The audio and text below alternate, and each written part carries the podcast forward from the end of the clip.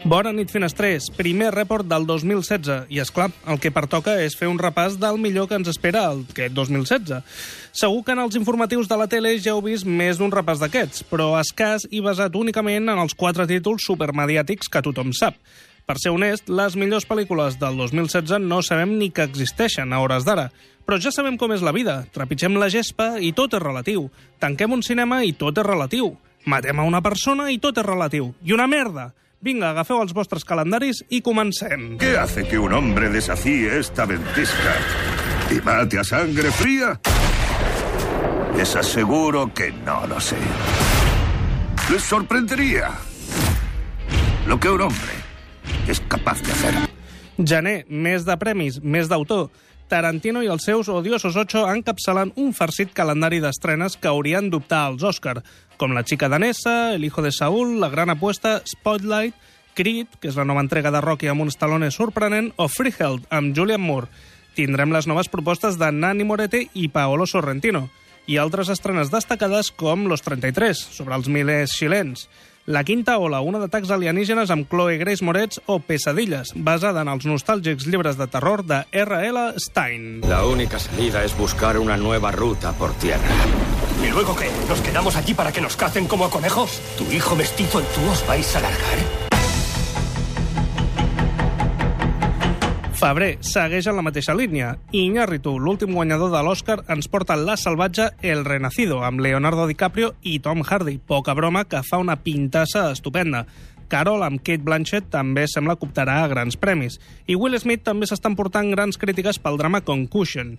A nivell d'autor tindrem Hail Caesar, nova proposta dels germans Cohen. Remember, d'Atom Egoyan. Anomalisa, un film d'animació a càrrec del genial Charlie Kaufman i molta acció trepidant. 13 hores, la nova adrenalina de Michael Bay, Deadpool, un dels superherois més violents de la Marvel, i Orgullo, Prejuicio y Zombies, amb el títol ja ho diu tot. Que el Daily Planet critique a los que piensan que están por encima de la ley es un poco hipócrita, ¿no cree? Teniendo en cuenta que cada vez que su héroe baja un gato de un árbol le hacen un pobre reportaje. A un alienígena que podría reducirlo todo a cenizas. Muy pocos comparten su opinión, señor Wayne. Será la ciudad de Gotham que llevo dentro. Nos dan mala espina los frikis, disfrazados de payaso.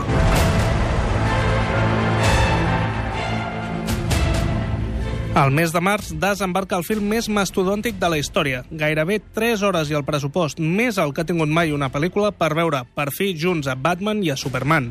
A nivell comercial competiran amb ell una nova entrega de Frankenstein o La hora decisiva, nova proposta del renascut cinema catastrofista. I, curiosament, dos biopics esportius, el de Lance Armstrong a càrrec de Stephen Frears i el de Jesse Owens a càrrec de Stephen Hopkins. El cinema espanyol presenta algunes de les seves millors propostes. Cien años de perdón, de Daniel Calparsoro, El olivo, d'Iciar Bollaín, i sobretot l'esperadíssima Julieta, de Pedro Almodóvar, amb Emma Suárez i Adriana Ugarte interpretant el mateix paper en dos moments diferents de la seva vida. Capitán, te veo a la defensiva. Ha sido un día muy largo. Si no aceptamos nuestras limitaciones, no somos mejores que los malos. Yo no lo veo así.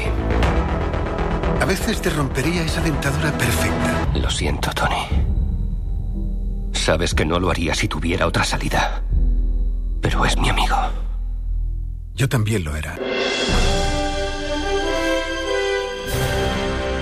Si al març el marca l'enfrontament entre Batman i Superman, l'abril porta un altre monumental xoc de trens entre el Capità Amèrica i Iron Man a Civil War, nova macroproposta de la Marvel. Dues directores mediàtiques, Jodie Foster i Angelina Jolie, porten les seves noves propostes. La de Jolie després d'haver estat vapolejada als Estats Units. Més cinema d'autor, les noves propostes de Winterbottom i del mestre de l'animació Mamoru Hosoda, que ens porten la maquíssima The Boy and the Beast.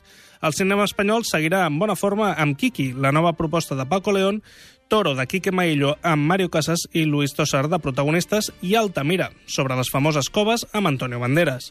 A nivell de superproduccions tindrem la versió en carn i ossos del Llibre de la Selva, la segona entrega de la Blancaneu amb Charlize Theron i Chris Hemsworth sense la Blancaneu, curiosament, i la recuperació d'Àlex Proyas, director de El Cuervo, amb Dioses d'Egipto, una mena de fúria de titanes que pinta una mica rara. Desde que el mundo descubrió a los mutantes, han surgido sociedades secretas que los ven como una segunda llegada o una señal de Dios. Creen que hace cientos de miles de años nació un antiguo ser, el primero. Un mutante. Has estado fuera demasiado tiempo, Alicia. Hay asuntos que se beneficiarían de tu atención. No se puede abandonar a los amigos.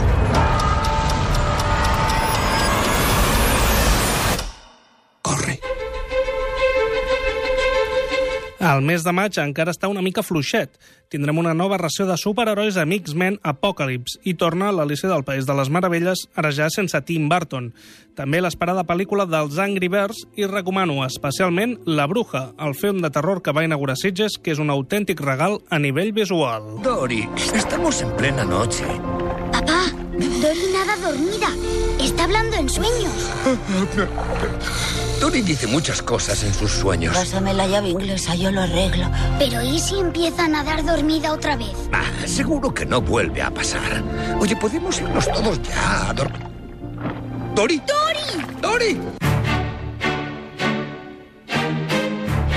Al juny comencen a arribar algunes de les propostes més estivals. 13 anys ha trigat Nemo, el peix de la Pixar, a tornar a la gran pantalla. També tornen les Tortugues Ninja, després de l'èxit sonat de la primera. I arriba, després de molts endarreriments, l'adaptació del popular videojoc Warcraft. Ens arriba la seqüela d'Expediente Warren, el millor film de terror dels darrers anys amb el mestre James Wan novament darrere la càmera. Durante 20 años he trabajado para prepararnos para esto. Hemos usado su tecnología para fortalecer nuestro planeta. Pero no será suficiente. Aparecen en mis sueños.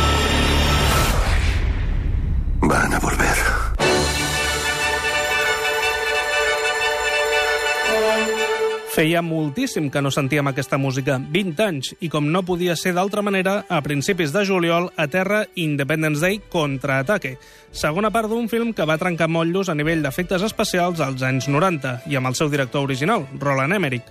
Tindrà una competència dura a nivell comercial, perquè al juliol torna Matt Damon com a Jason Bourne després de molts anys retirat, tindrem una nova entrega d'Ice Age, la segona part d'Ahora me ves, una nova versió de Tarzan i, sobretot, la nova aventura familiar a càrrec de Spielberg, Mi amigo el gigante. Tindrem una mica de cinema d'autor amb Giuseppe Tornatore, una mica de terror amb la tercera part de La Purga i una nova aventura dels germans Zipi i Zape. No tenemos nave.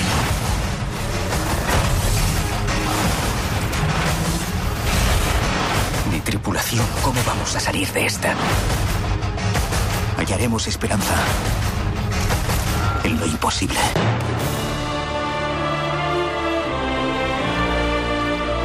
L'agost està marcat per la presència dels Jocs Olímpics, que fan molta por al cinema. Tot i així, ens arriba la nova aventura de Star Trek, ja sense JJ Abrams, i per veure si pot resistir la reaparició de Star Wars. També la versió femenina dels Caçafantasmes, un film que ja s'ha guanyat a internet milions de detractors que no suporten la idea de veure un mite retocat d'aquesta manera. I amb el dubte d'Esquadrón Suïcida, on els dolents de l'univers DC, entre ells el Joker, a qui dona vida Jared Leto, es converteixen en els protagonistes, sense els superherois pel mig. ¿Por qué no contratan hombres? ¿Hombres? Armados. Hoy resultan más baratos que las armas. ¿Iría usted? Sería una bendición que fuera a ayudarnos. Lo siento, no me interesan las bendiciones. No, no, ofrecemos algo más. Le aseguramos la manutención. Y tenemos esto. ¿Qué es eso? Podemos cambiarlo por oro. Es todo lo que poseemos.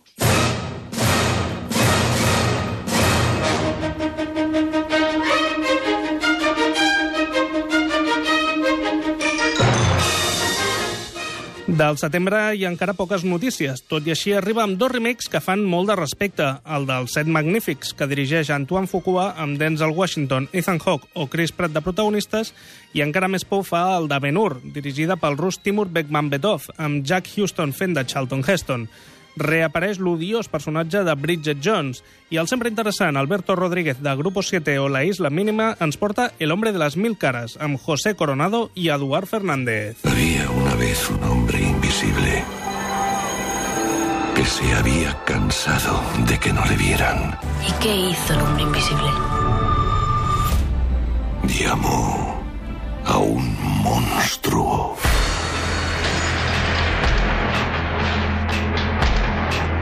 Com sempre, serà a l'octubre que Bayona estrenarà el seu nou film després de l'èxit de Lo Impossible. Es diu Un monstruo viene a verme, amb Liam Neeson o Sigourney Weaver entre els protagonistes. La Marvel presenta un dels seus pocs superherois que mai havia estat adaptat, amb Doctor Extraño. Torna Kate Beckinsale amb el cuir negre de Underworld i dues seqüeles de famoses sagues literàries, Inferno, de Dan Brown, novament dirigida per Ron Howard amb Tom Hanks de protagonista, i Jack Richard Never Go Back, de Lee Child, i amb Tom Cruise repetint en el personatge després d'una excel·lent primera entrega. Ayer un mago llegó a Nueva York con una maleta, una maleta llena de criaturas mágicas, y por desgracia algunas se han escapado. ¿La ha abierto? Solo un poquito.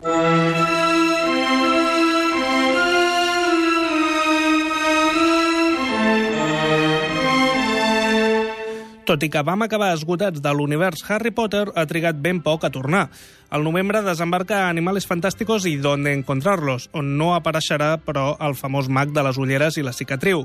I arriben dues propostes amb aroma Oscar. Sully, dirigida per Clint Eastwood, amb novament Tom Hanks de protagonista, i Five Seconds of Silence, una de Segona Guerra Mundial dirigida per Robert Zemeckis amb Brad Pitt i Marion Cotillard en plan estrella. Hay historias sobre lo que pasó. Todas